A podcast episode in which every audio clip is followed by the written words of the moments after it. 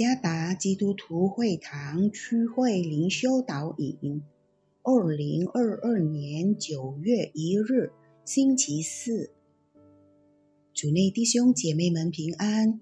今天的灵修导引，我们要借着圣经腓立比书第四章第八节来思想今天的主题：保持思想清洁。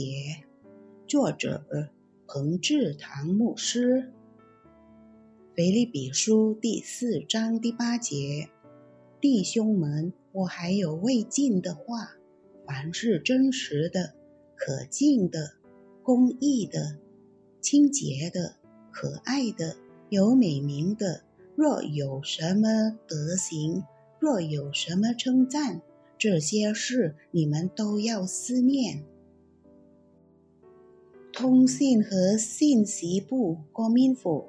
计划阻止所有负面的互联网内容，特别是那些包含色情的内容。他指出，互联网上流传着近三千万个色情网站，而能被屏蔽的网站只有七十万左右。来源：gadadada.co.id。可想而知，网络空间。有多少诱惑？上网一不小心，很容易让人陷入色情之罪。现今许多活动都是在线上进行的，工作、上学、崇拜聚会、购物、看影片、阅读等等，都在网上完成。这是时代的进步。使生活变得更容易，并已成为许多人生活的必需品。这取决于我们如何使用所有可用的进步。有句成语：“我们不能阻止鸟儿飞过我们的头，但我们可以禁止鸟儿在我们头上筑巢。”这意味着。我们无法避免在线媒体中所有形式的负面内容，例如，当我们要搜索某些数据或信息时，就会出现色情广告。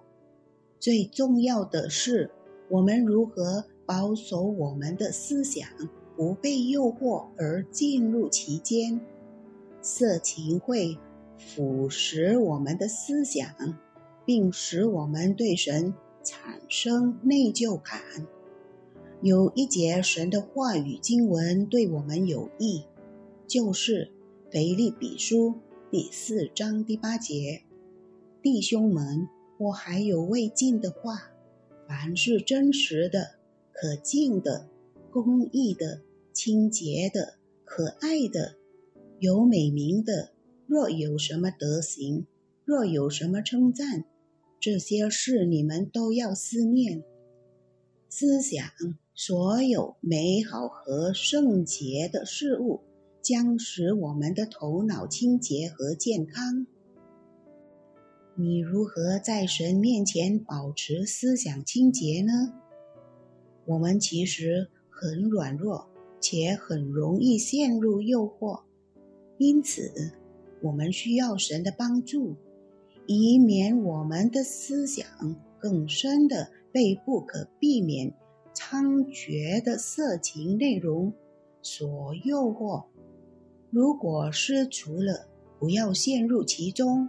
我们必须重新站起来，为神做正确的事。让鸟儿飞过吧，不要让它在我们的头上筑巢。主耶稣赐福。